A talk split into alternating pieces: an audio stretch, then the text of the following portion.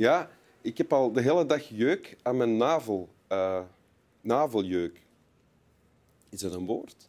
Naveljeuk. Misschien zit er iets in. Een muts. Ik ben een muts kwijt. Straks checken. Eerst winteruur. Met vandaag, behalve Swami Bami en mijzelf, Ann Wouters. Hallo. Welkom, Ann Wouters. Dank u wel.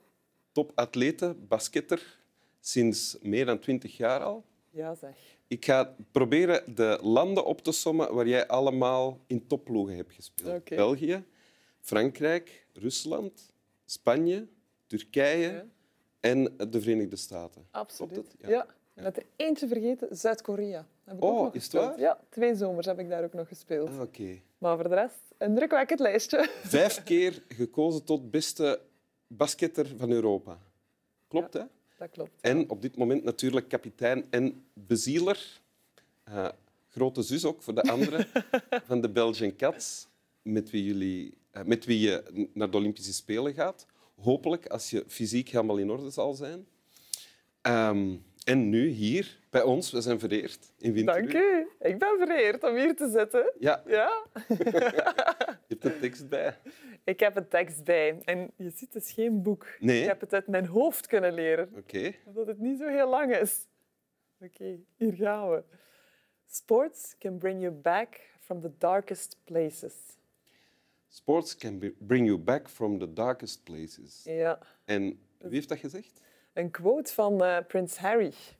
Ah ja. Ja.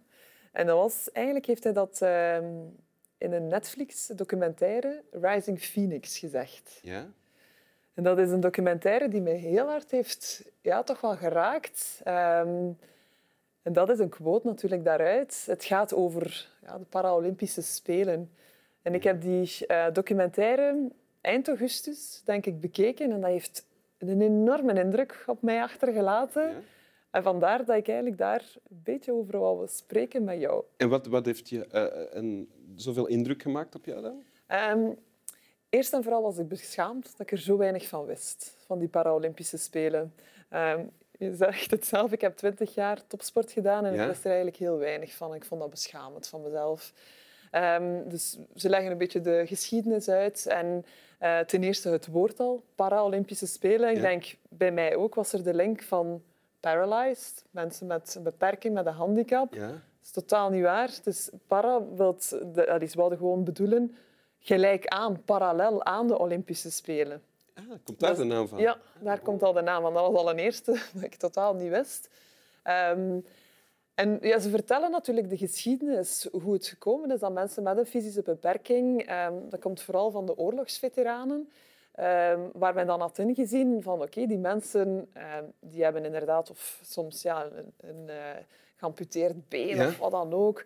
En in het begin, eh, na de wereldoorlogen, ja, waren er heel veel die stierven door infectieziekten. En dan is er een Duitse dokter gekomen, Goodman, die heeft eh, ingezien als we die mensen om de twee uur gaan draaien, dan zijn die lichtwonden er niet, die infectiewonden niet. En die mensen ja, die werden ja, terug volledig gezond natuurlijk. Ja? En daarin, daar komt dan de link naar de Paralympische Spelen, hebben ze gezien dat in die heel die revalidatie voor die mensen terug eh, oké te krijgen, dat sport daarin zo belangrijk Sport en is. beweging, ja. Sport en beweging. En van daaruit zijn de Paralympics Inderdaad. gegroeid. Ja, Ah, vandaar zijn die gegroeid. En ik vond dat ten eerste heel mooi. Ik wist dat ook niet. ehm, maar natuurlijk zit daar nog veel diepere boodschappen in. Ja? Eh, ja, en, en wat mij heel hard bezield toch ook heeft, is, is ehm, mensen met een fysische beperking. We hebben zo altijd de perceptie om daar zo wat medelijden met te hebben. Van oei, hé, ja, een Ja. been, arm of, of zo geboren of een ongeluk gehad of wat dan ook. En eh, ik denk dat ze met die documentaire ook wilden aantonen van die perceptie moet veranderd worden. We moeten een ander beeld hebben van onze Paralympische atleten. En we moeten die ook aanzien als, als volwaardige atleten. We moeten die, daar ook voor supporteren. We moeten ook het, het sportieve daarvan inzien. Dus je kan er naar kijken alsof het gewoon een, nog een andere discipline is, zoals basketbal en Voilà. eh, ja, dat, dat was al een... ook verschillende disciplines. Inderdaad. Ja. En het mooie natuurlijk daarachter is dat, dat die mensen al zoveel obstakels hebben overwonnen om daar te geraken. Eh, er is een heel ja, ook mooie quote uit die documentaire waar dat iemand zegt van de Paralympische atleten ja, op Olympische Spelen, iedereen ziet er hetzelfde uit. Al die lichamen die zien er hetzelfde uit. Op de normale... Op de Olympische Spelen, zegt ze bij ons. Iedereen heeft zijn eigen verhaal. Iedereen ziet er anders uit. En om ook zo'n beetje aan te tonen van... Verschillend zijn is goed, is, is oké, is mooi. Um, de, vooral wat dat mij ook aangegrepen heeft, dat zij hun beperking dan zien als hun kracht. Ja. En dat heeft volgens mij, ja, natuurlijk omdat ik... Kan je een voorbeeld geven? Dan? Um, zij, zij, ergens is er altijd een moment geweest. Er is, is iemand, een, een, Italiaanse, een schermster, ja? die uh, al van in het begin van haar leven uh, heel gepassioneerd was door schermen. En ineens plots krijgt zij hersenvliesontsteking, waardoor dat eerst haar benen denk ik geamputeerd moeten worden. Dat komt terug, haar armen moeten geamputeerd worden. Nou ja, zij zit natuurlijk in zak en as, maar toch, hé, uh, met tijd... Hoe schermt ze dan nog? Voilà, zij hebben daar toch een manier op gevonden. Ik denk dat haar papa was, die zei, kom, we gaan, wij gaan terug gaan schermen. En zij zei, dit is niet schermen, dat kan niet. Zij zit in een rolstoel en eigenlijk wordt het... Um, hoe noem je dat? Is dat? dat? is niet echt een zwaard. Hè, maar, Degen, denk ik. Niet? Ja, wel.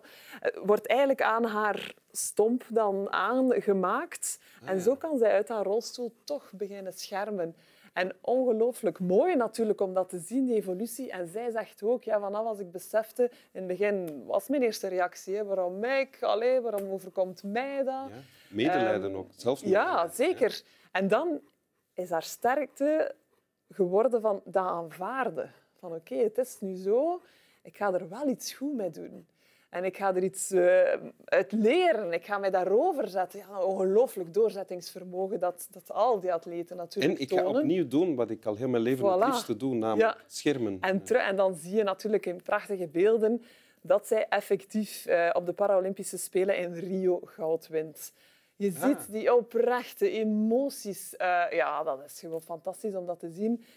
Um, vooral omdat je weet wat voor obstakels heeft dat meisje al meegemaakt in haar leven. En dan toch doorgezet. Um, een diepe, diepe motivatie toch moeten hebben. En, en, en dan daar kunnen staan, die medaille kunnen meebrengen naar huis. En eigenlijk gaat het dan nog minder om absoluut de beste te zijn, om, om die medaille te halen. Maar vooral om, om te zien dat je, ja, dat je deel uitmaakt van een veel groter geheel. En ik denk dat dat daar in de Paralympische Spelen nog veel groter is, die solidariteit onder de spelers, onder al, onder al die atleten. Misschien ook omdat er minder geld mee gemoeid is.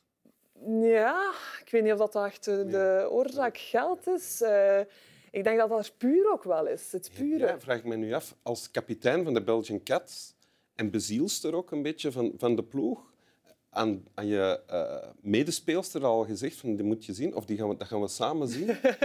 ik heb dat wel in de groep gezet. Ja, dat, uh, in de WhatsApp-groep? Ja, voilà, in een WhatsApp-groepje dat we hebben. Uh, dat ik daarnaar heb gekeken en dat me dat echt wel geraakt heeft. En ja, voor wie dat af en toe eens motivatie nodig heeft, ik weet al op dat moment... ik... Ik, ik vraag het ook omdat ik mij afvraag of jij daaruit kan putten, want je bent ondertussen oud voor een atleet. Hè? Ja, dank je. Uh, het is waar, hè? Absoluut. En, en je hebt kapotte knieën eigenlijk. Ja. Dus het is voor jou ook niet simpel om... Nee, ik denk dat ik daar, daarom natuurlijk ook heel hard aangesproken werd door die documentaire. Omdat ik ook dit jaar zeker um, heel wat momenten van twijfels heb gehad. Hè. Gaat mij dat nog lukken? Uh, moet ik mijn lichaam nog meer die belasting opleggen en het toch nog een beetje rekken? En dat heeft mij een ongelooflijke kracht eigenlijk ook gegeven om nog meer weer het positieve te zien. En mij niet meer zo te veel te focussen op, ja, die knieën die doen af en toe pijn. Ja, daar is het geen kraakbeen niet meer. En dat functioneert niet meer allemaal zoals het zou moeten, maar wat lukt wel nog? En dat is denk ik wel die, die positieve mindset die echt wel volgens mij alle Paralympische atleten hebben, om die gewoon ook mee te nemen en te zeggen, jawel, we hebben al zo'n mooie weg afgelegd dat laatste deeltje van de weg, jawel, daar ga ik nu alles nog voor doen om dat ook mee te maken. En het resultaat daarvan gaan we deze zomer zien op het podium van de Olympische Spelen. Afgesproken? Afgesproken. Mag ik hier dan nog eens terugkomen zitten? Dan mag je eens terugkomen. In de winter daarna dan weer pas. Voilà, dan kan ik daarover vertellen. Wil je je tekst nog eens opzeggen? Oké. Okay. Sports can bring you back from the darkest places. Dank u. Graag gedaan. Slap wel krak. Nee, dat was ook een krak. Verschil is, ik klaag daar niet over. Ja, voilà. Ik klaag gewoon te veel.